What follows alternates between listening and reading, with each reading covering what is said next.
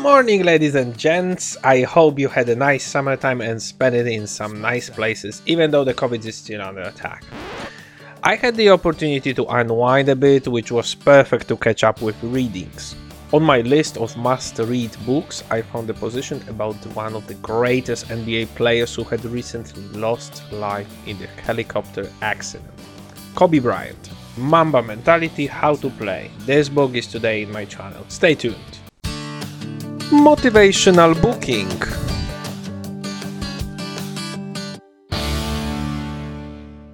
I have to admit, Kobe was my favorite player since I started my interest in basketball. It's been all started when Lakers became NBA champions at the beginning of this century. I, I really admired their style and great duet, Kobe and Shaq.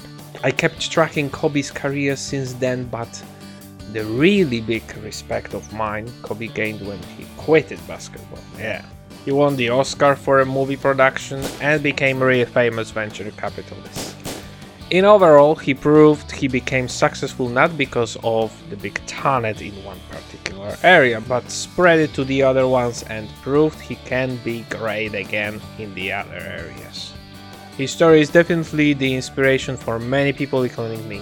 His unexpected death in the helicopter crash this year shocked everyone. The NBA tribute of this great player was thrilling. I believe there is a big group of people who can't still shake off that he's gone. Yeah, big shock. Therefore, I decided to read the book Mamba Mentality, which came to light earlier before his death. The book is not solid reading in terms of a volume of a text. It's partially a photo album of a great player, and we focus on Kobe as a basketballer in this particular case. And partially, there is also a really nice practice book with many profound words.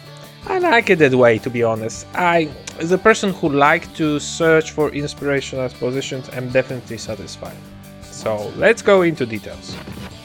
My version of a book has a slightly bigger format than the ordinary notebook, has a hardcover and 252 pages. I have to say it loud, I finished the book in one evening. yeah, is it a bad sign? Mm, absolutely shouldn't be. Sometimes we like to have light books for a quick reading. Really beautiful pictures makes this position really special in my shelf. You might see the photos from Kobe's career since he started up till the end of the, his career. The quality of paper was definitely one of the biggest pluses, but mm, let's stop talking about the tangible things. Let's go inside. While reading, you see from the first glance that the book is constructed as a something like a mentor's lesson. Kobe is describing his life from his perspective, of course, so it's like listening to somebody who achieved success by hard work. You can see inside not only the tips how to play basketball and how he dealt with a particular NBA stars, but also how to treat your body, how to train, how to focus, how to become a successful machine.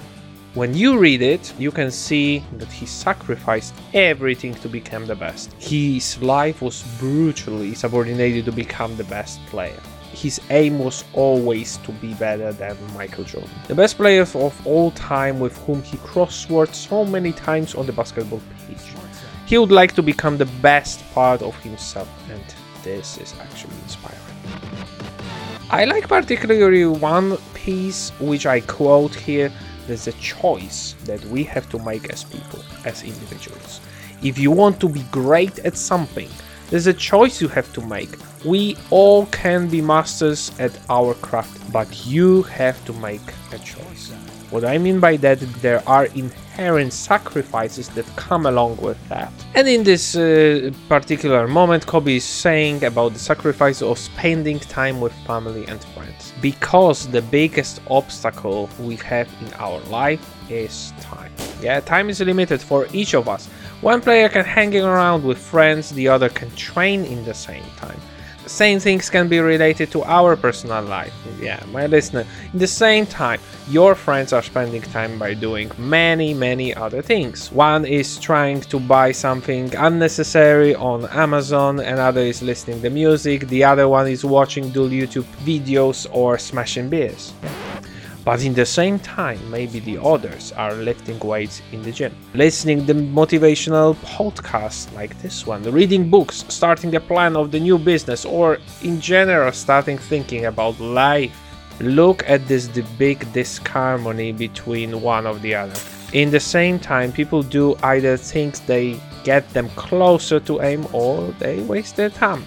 There is what uh, is trying to say, and my big mentor Arnold Schwarzenegger is saying actually the same. There's no magic bill. You have to work hard. You have to say, I want to achieve it, and work hard to do it. There is a real success you see firsthand in this special book. It's a beautiful story of getting better and better, of feeding your body and soul, and of course, of working hard.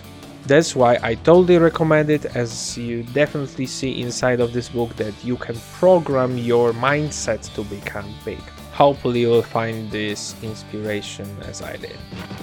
I can rate it as 8 out of 10. The high rate is definitely based on the inspirational first part of this book. I understand this book should help you to progress also with your basketball play, but that's why there are some parts concentrating only on the game. And this is actually the reason why I lower a rating a little bit. But other than that it's a great book. Everybody should read it. It's also a nice memorabilia of a great player and great man Thank you very much for listening. I hope you enjoyed my philosophical mumbling.